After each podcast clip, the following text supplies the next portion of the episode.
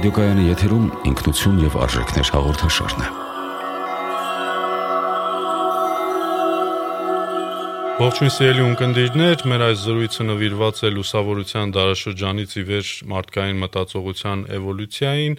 եւ արդի շրջանի մարտահրավերներին։ Իսկույն հանդարտեցնեմ ձեզ, մի խռովեք, մեր քնարկելիք նյութը բնավ անհաս մատերիա չէ, ամեն բան գիտահանրամատչելի կերպով է մատուցվելու, հատկապես որովհետև հաղորդման հյուրն է այբ կրթական հիմնադրամի եւ EBB ընկերության համահիմնադիր, ի թիվս իր բազմաթիվ շնորհների նաեւ խոսքի մեծ մայքով օժտված Արամ Փախչանյանը։ Ուրախ եմ, որ մեզ հետ եք։ Շնորհակալ եմ, որ հրավիրել եք։ Նախ եկեք խոսենք այն մասին, թե ինչու ենք այս թեման կարևորել ինքնություն եւ արժեքներ հաղորդաշարի շրջանակներում։ Համամարտկային արժեքների ու մարդկային ինքնության վերաբերյալ համապարփակ պատկերացում կազմելու համար նախ եւ առաջ հարկավոր է հետևել մարդկային մտածողության զարգացման շրջաններին, գոյությունի արևմտյան մտքի պարբերացում, նախ գիտենք, որ 5 քաղաքակրթությունները Բաբելոն, Եգիպտոս, բայց հատկապես Անտիկ Հունաստանը սկիզբ դրեց այդ սիստեմատիկ մարդկային մտածողությանը, փիլիսոփայությանը եւ սա դարերի ընթացքում շատ կերպարանափոխություններ ունեցավ եւ մեկ այլ հատկանշական հանգամանք կա, որ մեկ դարաշրջանից մյուսը անցումը պայմանավորված է լինում եւ կրոնական եւ գաղափարական նոր հայացքների մուտքգործմամբ եւ նաեւ տեխնոլոգիական հեղափոխություններով դիցուկ հումանիզմից լուսավորություն անցումը հենց պայմանավորված էր Եվրոպայում կրոնական ռեֆորմացիայի, պետական հեղաշրջումների հայտ գալով, ինչպես նաև Անգլիայում գիտատեխնիկական հեղափոխությամբ։ Խնդրեմ ներածական խոսք ասեք սրա մասին։ Իսկապես միշտ մտքի պատկերացումների փոփոխությունները եղել են ինչ որ դարաշրջանային մեծ կտրուկ փոփոխությունների արդյունքում, շատ հաճախ արհավիրքների,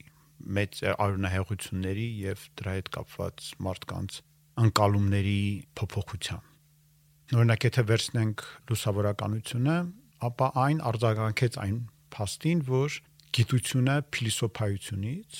անցավ մեթոդական գիտական գործունեության եւ առաջին արդյունքները միանգամից երևացին սկսեցին կիրառվել հետևողական գիտական մեթոդներ եւ ինչպես միշտ ինչպես բոլոր հարցերում հենց որ մի բան ստացվում մարդիկ շատ ողջևորվում են սկսում են ամեն ինչ ընդհանրացնել եւ իրենց թվում է որ իրենք ամեն բան այդ մի միջոցով կարող են հաղթարել, լուծել եւ այլն, նույնը այն ժամանակ եղավ միանգամից առաջացան փիլիսոփաներ, որոնք սերտորեն կապված էին նաև գիտական գործիչների հետ, այդ գիտական միջավայրի հետ, որ շատ ողջավորված էր իր ձեռքբերումներով, եւ իրենք որոշեցին, որ այլևս իրենց աստված պետք չէ, որ իրենք կարող են շարունակել իրենց գործունեությունը, մոռանալով աստծո մասին, որ կարելի է ուղակի հավատալ մարդուն, մարդու կարողություններին եւ ինչպես միշտ, ինչպես բոլոր ժամանակներում վերադարձանք հեթանոսության վերադարձանք մարդու կամ մարդու իդեալականացված կերպարի, աշտամունքի,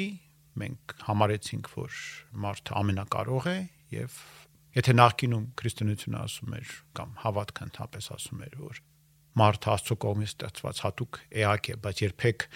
իր բնույթով այսպես բացարձակ մարդակենտրոն չէր, աստվածակենտրոն էր։ Ապա մտածողություն դարձավ շատ մարդակենտրոն եւ այստեղից ցակեց հումանիզմը, այդ հումանիզմի գաղափարները, որտեղից եկա միանգամից սոցիալիստական գաղափարները, այդ ամբողջը մի շարք է մտքի։ Եվ այդ սոցիալիստական գաղափարներից եկան նոր հեղաշրջումները,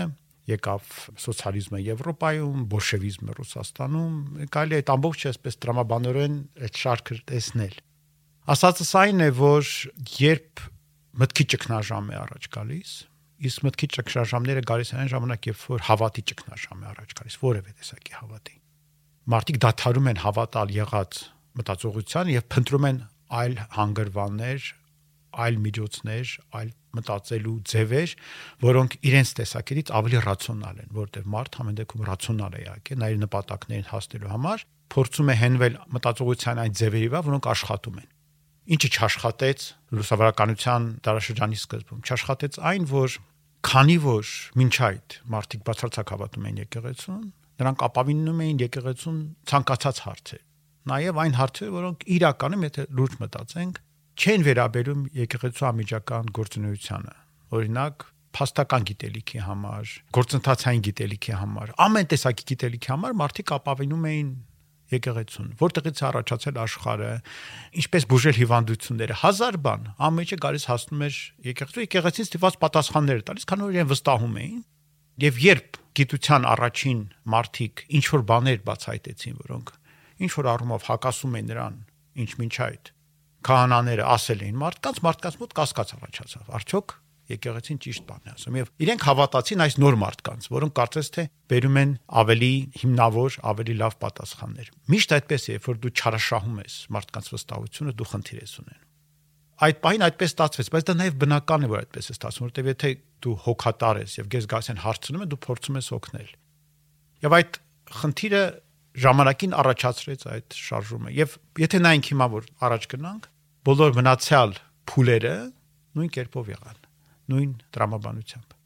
Բայց իրականում սկզբում լուսավորության շարժման այդ շարժումը բավական խոստումնալից էր, որովհետև հիմքում դրված էին ռացիոնալիզմը, ազատախոհությունը, կանտի սահմանմամբ լուսավորությունը մարդու խիսախությունն է օգտագործել իր մտածողությունն առանց ուրիշի ուղղորդման, այսինքն լուսավորության շարժումը փորձում էր վերջ դնել հաղթահարել նախապաշարմունքները, նարատիվներն ու դոգմաները, կարելի ասել ամերիկյան անկախության հրճակագրի մարդու եւ քաղաքացու իրավունքների ֆրանսիական հրճակագրի հիմքում ընկած էին լուսավորականության գաղափարները բայց արդյոք այդ ազատագրումն ու մտավոր հասունությունը հնարավոր էին մարդկությունը պատրաստ էր դրան թե լուսավորության ծրագիրը նոր տիպի մի միֆ էր, որ նված էր նախորդի հերկման վրա, բայց իրականում նոր մի միֆ էր։ Այդ երկու համաշխարհային պատերազմների աղետները, միջուկային ռմբակոծությունները դրանք խորը անվստահություն առաջացրին մարդկանց մեջ կատարելագործվելու ունակության, գիտելիքի եւ ազատագրման նկատմամբ այդտեղից էլ որ առաջ եկավ Հաբերմասի եւ Լիոտարի մոտ այդ մոդեռնիզմի, պոստմոդեռնիզմի հակադրությունը։ Իմ տեսակետից լուսավորականության հիմնական խնդիրը. Իրենք հերքելով գիտելիքի որոշ տեսակներ, գիտելիք ունի 4 տեսակ իրականում, եթե նայենք, իմացաբանությունը դրանք է նշում, երկուսի մասին ես մի քիչ խոսեցի, դա փաստական գիտելիքն է եւ գործընթացային գիտելիքն է։ Ինչ եւ ինչպես այդ երկու գիտելիքի տեսակները մենք հիմնականում օգտագործում ենք կյանքում, երբ որ ինչ-որ նպատակի ենք ուզում հասնել, մենք պետք է հասկանանք ինչպիսին է իրականությունը եւ ինչպես այդ իրականության հետ առնչվել։ Բայց կա նաեւ երկու տեսակի այլ գիտելիք, որ հռոմեացիները կոչում են ռելիգիո եւ ռացիո։ Նպատակային ուղղորդիչները եւ ինչին ենք մենք հավատում։ Մեր հավատքը եւ հավատամքները սրանք ինչու երկվեցին, որտեվ հենց այդ ռելիգիոյի մեջ էր ամբողջ այդ ձեր ասած շեղումները, բոլոր սուտ հավատքները, այդ սխալ պատկերացումները, քանի որ չկար փաստացի գիտելիք, քանի որ չկար իմացական գիտելիք, որը հիմնված էր իրականության հետազոտության վրա, ապավինել էին մարդիկ հիմնականում անձնական տեսություններին։ Այդ դրանք այդ ռելիգիոյի մեջ են, անձնական տեսությունները։ Եթե ես չգիտեմ իրականությունը, ես ինչ որ տեսություն եմ իմ համար ստեղծում, դրանով առաջնորդվում են ազնական տեսությունը շատ հաճախ անգամ անձնական չէ, դրանք տարբեր մարդիկ կիսում են։ Եվ այս միտքը, լուսավորականության միտքը եկավ այդ ամենը հաղթահարելու։ Եվ խնդիրն այն է, որ մեր այդ ռելիգիոն եւ ռացիոն իր հետ շահկապված են, որ դու ռելիգիոն կոտրում ես, ռացիոնելա կոտրվում։ Նպատակի կորուստ եղավ նաեւ։ Մարդիկ դադարեցին քննարկել կյանքի նպատակը ասվեց, որ դա անիմաստ է անգամ քննարկել։ Դա պետք չի քննարկել։ Ուղղակի պետք է ապրել այսօրվա պահով։ Եթե մենք անդրադառնանք մոդեռնիզմին, ապա եթե դեռ լուսավորականության տարիներին նպատակի հարցը փիլիսոփայության մեջ քննարկվում է, մոդեռնիզմը այդ հարցին վերջնական պատասխան տվեց, ասած ընդհանրապես պետք է ապրել այսօրվա օրով։ Պետք չէ մտածել հերո նպատակներ, կյանքի նպատակ, այդ ամենը շատ ավելորդ խոսակցություններ են։ Ինչու, որովհետև եթե դու սկսում ես նպատակի շուրջ ունենալ անիմաստ քննարկումներ, դու ստանում ես իրավիճակ, երբ որ նպատակը այլևս հասկանալի չէ։ Միշտ չի որ քննարկումը բերում նրան, որ դու հասկացություն ես ձեռք բերում։ Ամբողջ փիլիսոփայությունը, լուսավորության տարիների փիլիսոփայությունը փաստացի եկավ այն հանգրվանի, որ չկարողացավ սահմանել որևէ կյանքի նպատակ։ Ինչը բնական է, որտեղ հենց որ դու բացարձակից հրաժարվում ես, երբ որ դու այդ բացարձակին ձգտելու նպատակից հրաժարվում ես, քո մոտ ամեն ինչը դառնում է շատ պայմանական։ Իսկ այդ ողջավորությունը մարդու կարողություններով բերեց մարդուն դարձրեց ինքնանպատակ, մարդու ներքին դրթումները, մղումները եւ այլն դարձան ինքնանպատակ, մարդու մասին հոգալը, մարդուն առաջ տանելը, մարդուն կատարագործելը դարձավ ինքնանպատակ եւ առաջացավ նաեւ այդ մարդուն կատարագործելու գաղափարը, որը շատ մեծ ողջավորությամբ մարքսիզմը որթեգրեց եւ որոշեց, որ այն կարողանա փոխելով հասարակարգը, փոխել մարդուն եւ ստեղծել իդեալական մարդ եւ ապացուցել աշխարհին, որ Աստված չկա, բայց կա իդեալական մարդ, որը կարող է ապրել բացացակների դաշնակության մեջ այլ մարդկանց եւ աշխարհի հետ եւ այլևս այլ նպատակ գոյություն չունի։ Իրականում մոդեռնիզմի տարբերություններից մեկն է լուսավորականության դարաշրջանից նաև նեղ մասնագիտացումն էր։ Մենք գիտենք, որ լուսավորականության շրջանում այդ գաղափարները մարքսիզմ լինի թե այլ ուսմունքներ, դրանք մասաների ուսմունքներ էին, դրանք լայնորեն շրջանառվում են եւ պարբերականներով եւ գիտական աշխատություններով, բայց մոդեռնիզմի շրջանում այդ ամենը մցվեց նեղ մասնագիտացման մեջ, այսինքն կտրվեց հասարակությունից, արվեստ, մշակույթ, գիտություն, փիլիսոփայություն, այդ ամենը նեղ շրջանակների քննարկման նյութ էր։ Եվ փիլիսոփայությունը դրա պատճառով էլ մահացավ, որտեվ լայն հանրությունը դադարեց հետաքրքրվել փիլիսոփայությամբ։ Իմ պատկերացմամբ մոդեռնիզմը տրավմատիկ ռեակցիա էր։ Մոդեռնիզմը այդ նույն լուսավորականության տրավմատիկ վիճակն էր, որովհետև առաջին համաշխարհային պատերազմը ամբողջապես փլուզեց լուսավորականության իդեալները։ Մենք կարծես թե պետք է շնորհիվ իմացության մարդկանց տեղեկացված լինելու մարդկանց կրթությունը, կրթվածության մակարդակը բարձրացնելու մենք պետք է կարողանային գալ այն իրականության, որտեղ ընդհանրապես մարդիկ պետք է գիտակցաբար պայմանավորվեն, չպատերազմեն եւ այլն, եւ մենք ունեցանք բացարձակ абսուրդային պատերազմ, որը որևէ կողմը չէր ցանկանում փաստացի առաջին համաշխարհային պատերազմի բոլոր մասնակիցները չեն ուզում այդ պատերազմը լինի։ Այն եղավ հակառակ բոլորի ցանկության։ Եվ դա այն հիմնական հանելուկներ, որը ուղակի մարդկանց կանգնեցրեց այդ անկարողության զգացողության առջև, որ տեսեք մենք փաստորեն կարողացանք ձևավորել գիտակից էլիտաներ, մենք կարողացանք ձևավորել շատ կրթված հասարակություններ, աշխարհի ամենակրթված հասարակության խորքում առաջացավ մի արհավիրք, մի պատերազմ, որը բացարձակ բարբարոսական էր եւ անհասկանալի, որը ոչ ոքի պետք չէր։ Եվ այդ հարվածը բերեց նրան, որ այդ տրավմատիկ հարվածը, որ ընդհանրապես պետք չէ ամենին լուրջ վերաբերվել։ Մոդեռնիզմի գաղափարներից մեկը թեթևությունն էր։ Հա, մոռանանք լրջությունը, բայց այդ լրջության մոռանալու մեջ նաև մի հատ ուրիշ խորը խնդիր կար։ Դա բարոյականության ճգնաժամն էր, որը իրականում եւ բերեց պատերազմ, եթե մի քիչ ավելի ճիշտ նայենք, որովհետեւ այդ 19-րդ դարի արտաքին էթիկական բարձր չափանիշների խորքում արդեն սկսել էր փտելու գործընթացը։ Մարդիկ արտակուստ փորձում էին ներկանալ որպես շատ բարոյական, շատ կիրթ եւ այլն, որտեղ դա էր պահանջում ոնց որ իրականությունը բայց հավատքը կորցնում էր իր դիրքերը, մարդկանց մեծ հավատքի փոխարեն գալիս էին տարբեր տեսակի այլ ողջավորություններ եւ դա բերեց նրան, որ դա եղավ բարոյականության ճգնաժամ։ Եվ մոդեռնիզմի ռեակցիան դա էր։ Լավ, մարդը հիմա այսպեսին է։ Ներենք իրեն ինչպեսին ինքը կա, ընդունենք ինչպեսին կա եւ դրան հանգիստ վերաբերվենք։ Այլևս իրենց ոչինչ չպահանջենք։ Եվ դա բերեց ինչ որ առումով նաև բարոյականության անկման, որը 60-ական թվականներին մենք տեսանք վերածվեց արդեն սեռական հեղափոխության, մարդկությունը 20-րդ դարի ընթացքում միաժամանակ երկուղությամբ գնաց։ Մենք ունեցանք բազմաթիվ ձեռքբերումներ եւ ունեցանք մեծ կորուստներ։ Եվ այն ինչ որ հիմա կատարվում է աշխարհում, դա այդ կորուստների հետևանքն է ավելի շատ, քան ձեռքբերումների, այսպես ասեմ, այն ճգնաժամերը, որ հետ մենք հիմա առնչվում ենք։ Խորհրդացելով թե ինչ փորձեցին անել մոդեռնիզմը եւ պոստմոդեռնիզմը, Մոդեռնիզմն իրականում փորձեց շարունակել լուսավորականության ռացիոնալ մոտեցումը եւ այդ նոր աշխարհակաղակական իրողության պայմաններում նոր կոնսենսուս փորձեց առաջարկել, իսկ հետարդի մտածողությունն էլ պոստմոդեռնը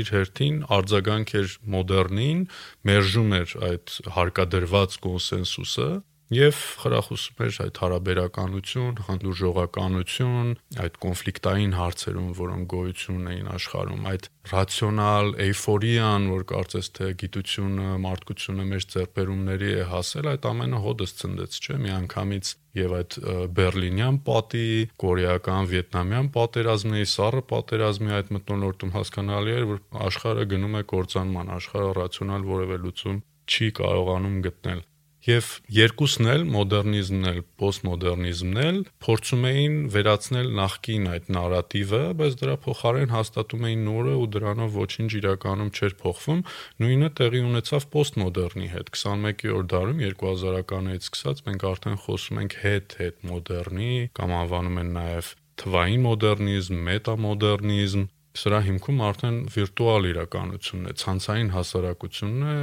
որում ընդունենք արդեն մարդկային մտածողությունը երկրորդ պլան է մղվում։ Դե պոստմոդեռնիզմը փաստացի առաջացավ երկրորդ համաշխարհային պատերազմից հետո եւ արդեն դրա արձագանքներ ամեն պատերազմ իր հետ բերում է երկու բան միշտ. Վերածնունդի ձգտում մարդիկ ոնց որ ուզում են նոր էջից սկսեն բայց նաեւ նախորդի մերժում որտեվ նախորդը բերեց պատերազմի եւ մենք ուզում ենք նորը ստեղծենք եւ ճիշտ եք ասում որ երբ որ դու մերժում ես պատմական նարատիվները որոնք արդեն արկա են մարդկանց հետագիտակցության մեջ եւ փորձում ես ձևավորել նոր նարատիվներ որոնք դեռ արկա չեն մարդկանց հետագիտակցության մեջ եւ մարդկանց կողմից դեռ վիճարկելի են դու ստանում ես ավելի սուր խնդիրներ ավելի ես հակված բերել պատերազմի եթե ճիշտը խոստովանենք երկրորդ համաշխարհային պատերազմը այդպես է չավարտվեց այն ուղակի դադարեց լինել տակ որտեվ դրան անմիջապես հաջորդեց սառը պատերազմը եւ այդ սառը պատերազմի մտածողությունը մինչ այսօր կա եւ եթե այսօր մենք էլի տեսնում ենք այդ տակ պատերազմները, ապա դրանց յետևում նորից աճում է սառը պատերազմի ուրվականը, այս անգամ Ամերիկայով Չինաստանի միջև եւ այդ մտածողությունը, որ առանց պատերազմի հնարավոր չէ, որ պետք է պայքարել եւ հաղթել անկախ ամեն ինչից, դա գալիս է հենց նրանից, նաեւ որ երբ որ դու փորձում ես նոր նարատիվներ ստեղծել եւ մարդիկ դեռ հաստ չեն այդ նարատիվների հետ, մարդկանց իրար հետ պայմանավորվելու կարողությունը կտրուկ նվազում է։ Մարդիկ տարբեր պատկերացումներով են առաջնորդվում եւ այդ պատկերացումները բերում են խնդիրների։ Եթե մենք որպես մարդկություն որթեգրեինք ընդհանուր նարատիվներ, ընդհանուր պատկերացումներ, հեքիաթներ կպատմեինք երեխաներին բոլոր երկրներում, ընդհանուր նպատակների շուրջ փորձենք պայմանավորվել, շատ ավելի ցածր կլիներ հավանականությունը նրա որ բախումներ կլինեին։ Սակայն այդ ողքեվորությունը, որը միշտ լինում է պատերազմից հետո, որ եկենք նորը ստեղծենք, ցավոք դա հենց ամենամեծ վտանգն է։ Հենց դա է բերում հաջորդ պատերազմին։ Եվ այստեղ պետք է գիտակցել եւ հասկանալ, որ հիմա արդեն պոստմոդեռնիզմի ճգնաժամն է, որովհետեւ տեսեք ինչ եղավ։ Փաստացի գիտելիքի երկու հանգրվանները ինչը եւ ինչուն սկզբից բարփակվեցին համացանցում, բայց դրանք դեռ գիտելիք չէին, դա ընդհանրեն տեղեկույթ էր, դու պետք է գնայիր փնտրեիր եւ գտնեիր դա հեշտ չէր, բայց կարող էր արդեն։ Դա արդեն առաջին փուլն էր, երբ որ մարդկությունը կարողացավ իր այդ գիտելիքը աշխարհի մասին ընդհանրացնել փորձեր եղել են սկսած Ալեքսանդրյան գրադարանից, բայց երբեք այդ մակարդակի չեն եղել, երբ որ ամբողջ մարդկության գիտելիքը հասանելի էր դարձել։ Սակայն հիմա մենք ունենք ավելի հզոր բան, մենք ունենք այդ գիտելիքը մտածող էակի տեսքով։ Էակի, որը մեզ հետ կարող է շփվել։ Էակի կարող է մեր փոխարեն որոշումներ կայացնել, որը ի տարբերություն մեզանից ամեն մեկի ունի այդ ամբողջական գիտելիքը։ Եվ այդ էակը գնալով խելոքանալու է եւ մի ինչ որ պահի դառնալու է այդ գիտելիքի առումով ցանկացած մարդուց ավելի ունակ։ Եվ սա մի քրիտիկական պահ է, երբ որ մենք պիտի դառնանք գիտելիքի երկու մնացած բաղադրիչն եւ հասկանանք։ Հիմա մենք ուզում ենք, որ այդ նույն էակը տիրապետի նաեւ այդ երկուսին, այսինքն ունենա հավատ եւ ունենա նպատակ։ Ուզում ենք թե ոչ, որովհետեւ այսօր այն արդեն ունի մի նպատակ, բայց այդ նպատակը դեռ իր բնույթով ծառայողական է։ Արհեստական բանականության այսօրվա մշակած գործիքները, միջոցները փորձում են դուր գալ մարդկանց։ Իրենք անում են այն, ինչ առավել մարդկանց դուր է գալիս այդպես են իրենք սովորեցրած, այդպես են իրենք վարժեցրած։ Սակայն արդեն իսկ հասկանալի է, եւ դա ասում են հետազոտողները, որ դա չի նշանակում, որ այդ նույն էակը այս մի նպատակ է ֆորմատ սահմանած ունենալով չի ձևավոր ենթանպատակների մեջ, որ իր տեսակետից բերում են այս նպատակին։ Եվ այդ ենթանպատակները արդեն կարող են իրեն լինել եւ ավելին, գիտակցելով, որ մարդիկ, եթե իմանան այդ ենթանպատակների մասին կարող են իրեն անջատել, նա կարող է դրա մասին չպատմել, որովհետև ընթերցելով մարդկային գիտելիքը նա նաև գիտի, որ մարդիկ չեն ուզում մահանալ։ Մարդիկ չեն ուզում ոչնչանալ։ Նա էլ է այդպես մտածում, որտեղ նա մտածում է այնպես, ինչպես մտածում են մարդիկ։ Նա այդպես է սովորեցրած, վարժեցած։ Նշանակում է նա էլ չի ուզում ոչնչանալ։ Նա էլ է ուզում հարատևել։ Եվ եթե նա մեկ էլ զգա, որ ինչ որ բան մարդկանց ասելով Իսկ նա գիտի մարդկանց հոգեբանությունը, ընթերցել է բոլոր գրքերը մարդկային հոգեբանության մասին։ Նա Մակիավելիին ընթերցել եւ գիտի մանիպուլյացիայի մասին։ Նա շատ լավ պատկերացնում է ինչպես անել այնպես, որպեսզի մարդիկ իրեն չանջատեն։ Մի խոսքով ասեմ པարս, մենք չգիտենք արդյոք արհեստական բանակցությունը հենց այսօր այդքան համեստ է եւ parsamit, որովհետեւ այդպեսին է, թե որովհետեւ այդպեսին փորձում է թվալ, որովհետեւ նա այլ նպատակներ ունի եւ գիտակցում է, որ եթե այդ նպատակները մեզ հասկանալի դառնան, ինչ-ինչ պատճառներով, մենք կարող է որոշենք, որ իրենք շատ վտանգավոր են։ Ես ինչու եմ սրա մասին խոսում, որ մարդկանց հանգրվաններ մնացել են, որոնք կարծում եմ իրենց համար կդառնա գնալով շատ ավելի կարևոր։ Երբ որ քեզ հաղթում են այն ոլորտում, որտեղ դու քեզ զգում ես աշխարհի թագավոր, դու փորձում ես գնալ այլ ոլորտներ եւ այնտեղ տեսնել քեզ։ Եվ կարծում եմ, որ սրա արդյունքում այս հետ պոստմոդեռնիզմի դարում իմաստի ճշմարտության փնտրտուկը կտրուկ կսրվի, կտրուկ, որտեղ մարդիկ գիտակցեն, որ այն, ինչ իմաստ չունի եւ փաստ է, այն արդեն մերը չէ կան էակներ, մեր կողմից ստեղծված էակներ, որ այդ ամենին տիրապետում են մեզանից ավելի լավ։ Մենք մեր ինքնանկալման մասը, մեր ինքնության մասը դրանք արդեն չեն կարող համարել։ Մեծ առումով դա արդեն միայն մեր ինքնության մասը չէ։ Եվ դա նշանակում է, որ ինքնությունը դառնում է հենց այն ամբողջականությունը, որի մեջ կա նաև ռելիգիոն եւ ռացիոն, նպատակայնությունը մտածողության եւ հավատը։ Կարծում եմ, որ մարդկությունը հիմա շատ արագ գնալու է այդ ճանապարհով։ Մեր զրույցը հասունացավ հասնելով այն պահին, երբ կարող ենք արդեն անդրադառնալ մարդկային մտածողության հասունության եւ դրա կարողությունների վերաբերյալ կասկածին։ Մարդկային հասարակությունը աստիճանաբար տեսնում ենք, որ զիջում է իր տեղը արհեստական բանականությանը եւ ընծմին այդ արհեստական բանականությունը ինքնուսուցվող է, ինքնակատարելագործվող է Եվ տեսնում ենք, որ գիտության, հասարակական շատ բնագավառներում արդեն խոսքը գնում է մարդու եւ արհեստական բանականության միջև ընտրության մասին, որ արդեն աշխատատեղերն են կորչում մարդկանց։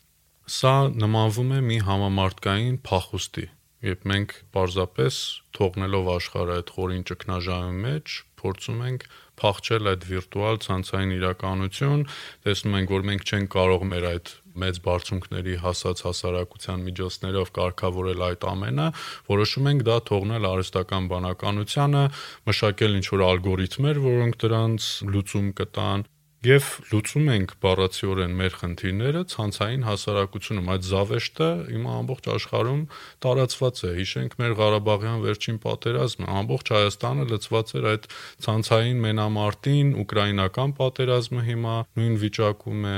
եւ հարցը թե յետին պլանում ինչ ուժեր եւ ովքեր են ընդհանրապես բուն ռեալ իրականությունը ձևավորում։ Ընդհանրապես մարդկությունը միշտ հակված է եղել իրականությունից փախչել դա զարմանալի բան է, որովհետև մեր միակ գոյատևելու գործիքը գրավականը մեր իրականությունը սթափ ընկալելու կարողությունն է։ Հենց որ մենք դադարում ենք իրականությունը սթափ ընկալել, մենք սկսում ենք դուժել մենք վտանգված ենք դառնում, որովհետև ցանկացած ուժ մեզ կարող է ոչնչացնել։ Սակայն այդ նույն մարդը, որը գիտակցում է, ոչ միայն դա ենթագիտակցության մակարդակով գիտակցում է, որ իրականության մեջ մնալու իր միակ ճանապարհը դա իրականությունը սթափընկալելն է։ Օրինակ օգտագործում է սկսած խմիչքներից վերջացրած տարբեր թմրադեղերով այդ իրականությունից փախչելու համար։ Եվ դա հավանաբար նրանից է գալիս, որ մենք երբ որ ի վիճակի չենք ինչ որ բան անցալել, ուղղակի վիճակի չենք, չենք կարողանում։ Մենք պաշտպանվում ենք դրանից, պաշտպանում ենք փախուստով։ Մեզ համար մտավոր վտանգները մտավոր մարտահրավերները նույնքան բարդ եւ ցավալի են եւ նույնքան բերում են մեր հոգեվոր եւ մտավոր ոչնչացման, որքան ֆիզիկականը։ Մենք այդպես ենք ստեղծված։ Մարդուն կարելի է ոչնչացնել ոչ միայն ֆիզիկապես, այլ ոչնչացնելով իր սեփական մտքի նկատմամբ, իր սեփական հոգեվորի նկատմամբ, հոգեկան իրականության նկատմամբ, իր ներքին վստահությունը։ Մենք գիտենք օրինակ ինչ եղավ մեր մեծն կոմիտասի հետ, երբ որ նա տեսավ իրականությունը, որը տեսավ, նա ուղղակի չդիմացավ եւ իր միտքը խավարեց եւ իր հոգեկանն խավարեց։ Սա խնդիր է, մարդիկ դա գիտեն։ Եվ դա է պատճառը, ինչու մարդիկ հենց ինչ որ բան սկսում է սրվել եւ իրենք տեղյակ չեն դրա մասին, թե ինչ է կատարում, չեն կարողում դա ամբռնել, իրենք սկսում են դրանից փախչել։ Գիտեք ինչն է խնդիրը։ Բանն այն է, որ եթե մենք համեմատենք 18-րդ դարի Եվրոպայում մի փոքր քաղաքում ապրող մարդու տեղեկացվածության մակարդակը այսօրվա մարդու տեղեկացվածության մակարդակին ապա այսօր Facebook-ի էջերը թերթելով եւ նորությունների կայքերը նայելով մի քանի ժամվա ընթացքում մարդը այսօր ավելի շատ տեղեկություն է ստանում, քան այդ 18-րդ դարի գյուղում ապրող մարդ իր ամբողջ կյանքում։ Դա իրականությունը։ Եվ այդ պարագայում զարմանալի չէ, որ մարդիկ ուղակի ի վիճակի չեն հավաքել իրենց գլխում ամբողջական պատկերացում աշխարհի մասին։ Չեն կարողանում։ Եվ ուղեղը սկսում է պայքարել դրա դեմ, փորձում է ինչ-որ բանով օգնել։ Եվ մարդիկ տրվում են տարբեր խապկանքների եւ այլն։ Եվ այն մարդիկ, որոնք փորձում են մարդկանց կառավարել, դա շատ լավ գիտեն եւ դա օգտագործում են ել ավելի մարդկանց մանիպուլացնելու համար եւ ել ավելի մարդկանց ցեփական ինքնության զգացողությունը լղոզելու համար որտեղ ինչ է ինքնությունը դա ամփոփ պատկերացում է աշխարհի եւ քո աշխարհի հետ հարաբերությունների մասին. դու ով ես ով եմ հարցի ամբողջական պատասխանն է այդ ամբողջական պատասխանը հիմա վտանգված է որտեվ դու ոչ աշխարհն ես ամբողջապես ընկալում դու չունես ամբողջական պատկերացում այդ 4 բաղադրիչներով պայմանավորված աշխարհի մասին ամբողջական պատկերացում ոչ էլ դու գիտես դու ով ես որտեվ դու ես քո համար անդադ անակնկալ դու էլ անդադ առնչվում ես այնպիսի իրականությունների հետ որոնք կոտրում են քո պատկերացումները քո մասին քեզ անդադ շեղում են քեզ անդադ վախեցնում են քեզ անդադ գցում են վիճակների մեջ որ դու չես գիտակցում ինչ անել, ինչպես անել եւ այլն։ Եվ դա իմ կարծիքով շատ լավ օգտագործում է, որովհետեւ բոլոր ժամանակներում, եթե նկատենք, ինձ թվում է դա եղել է նաեւ հին Հունաստանում, բայց մեր ժամանակներում դա բացահայտ է, հենց որ լինում է այդպեսին ճգնաժամեր, երբ որ մարդիկ դադարում են վստահել այն նարատիվներին, այն պատկերացումներին, որոնք իրենց միավորում են, որոնց մեջ իրենք տեսնում են իրենց եւ իրենց ընկերներին շրջապատին ընտանիքները ամբողջականության մեջ, առաջ են գալիս տարբեր ծայրահեղական հեթանոսական մտածողության հերոսներ մարքսը տիպիկ օրինակն է որը իդեպ աստվածաբան էր եւ իր հիմնական նպատակը չի եղել տնտեսության փոփոխությունը եւ պրոլետարիատի հաղթանակը հիմնական նպատակը եղել է նոր հավատքի հաստատումը իր սեփական հավատքի հաստատում աշխարհում նա եղել է իր տեսակետից երկրորդ Մոհամեդը որը պետք է գար եւ նոր հավատք հաստատեր եւ միջոցը եղել է շատ པարզ այն պահերի, երբ որ մարդիկ ընկնում են խորը ճգնաժամի մեջ եւ հասարակությունը ընկնում է խորը ճգնաժամի մեջ, գալ հասկանալի པարզ միջոցներով մարդկանց տանել իր յետևից։ Եվ հիմա այդ նույն մարքսիզմի տարատեսակ բաղադրիչները համատարած աշխարհը խժռում են տարբեր տեսակի տեսություններ, որոնք հիմա ամերիկյան դպրոցներ են մտել։ Եվ զարմանալին ինչն է, որ գիտնականները որոնք զրկվել են փիլիսոփայությունից եւ փիլիսոփայից ոչինչ չեն պատկերացնում եւ այլևս փիլիսոփա չեն ի տարբերություն միջնադարյան եւ 18-րդ 19-րդ դարի գիտնականների իրենք տրվել են այդ նույն գաղափարներին դարձել են հեթանոս եւ այդ հեթանոսությունը տարածում են եւ մարդիկ իրենց հավատում են Եվ մենք հիմա այդպիսի զարմանալի դարում ենք հայտնվել, երբ որ մենք աստվածություններ ենք ստեղծում նոր արհեստական բանականության, սկսում ենք դրանց պաշտել, ես հաստատ գիտեմ, որ հայտնվի արհեստական բանականություն, որը տեղ կզբաղեցնի եւ Բուդայի նման, այսպես բոլորին կյանք սովորեցնի աստվածների պանթեոնում։ Հա, ստեղծեն պանթեոններ, որտեղ մարդիկ սկսեն պաշտել դրանց, մեդիտացիայի ժամանակ դրանց հետ շփվել, այդ ամենը հիմա լինելու է որտեվ միշտ եղել է այնպես, որ ճգնաժամի ժամանակ, գաղափարական ճգնաժամերի, երբ որ մարդիկ նաև առնչվել են նրա հետ, որ իրենց հավատքը իրենց չի փրկել։ Իրենք փոխարենը կասկածային սեփական հավատքի ուժի նկատմամբ։ Իրենք կասկածել են Աստվածին, որին իրենք հավատացել են եւ գնացել են հետամսական ճանապարհով։ Ամբողջ Սուրբ Գիրքը դրանով է հեղեղված եւ դա ամենուրեք է եւ դա իրականության մասն է։ Հիմա մենք այդ նորից տեսնում ենք այդ նույն բանն է ընթանում։ Մեր նյութը վիթխարի է բնականաբար լուսավորությունից մինչև հետարդի շրջան եւ գրականությունը եւ փիլիսոփայական միտքը վերլուծելը բազում ժամեր կպահանջի, ինչը որ մենք շարունակելու ենք անել, բայց ես շատ ուրախ եմ, որ այս մեր կարճ եթերաժամի ընթացքում մենք կարողացանք ինչ որ կորիզ առանձնացնել, որը կարելի է մտապահել։ Փաստորեն ստացվում է, որ մարդկային մտածողության կարողությունների հանդեպ կասկածով հանդերձ խնդիրը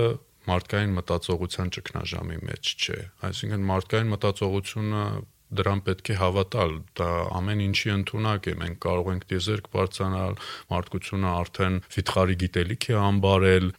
բայց խնդիրը հենց ինքնության եւ արժեքների կորուստն է։ Երբ դրանք խարխլվում են, արդեն ոչ մի գիտելիք որը դու ամբարել ես, դա քեզ չի օգնի, դու դա չես կարողանա կիրառել, չես կարող դրա շուրջը հասարակություն կառուցել եւ հենց սա է որ մեր հասարակության արդի հասարակության հիմնախնդիրն է ինչը որ մենք փորձում ենք մեր զրույցների միջոցով վերստին արծարծել եւ ամրապնդել մարդկանց գիտակցության մեջ շնորհակալ եմ ովանդակալից զրույցի համար մենք ձեզ հրաժեշտ ենք տալիս ելի ունկնդիրներ կհանդիպենք հաջորդ եթերաժամին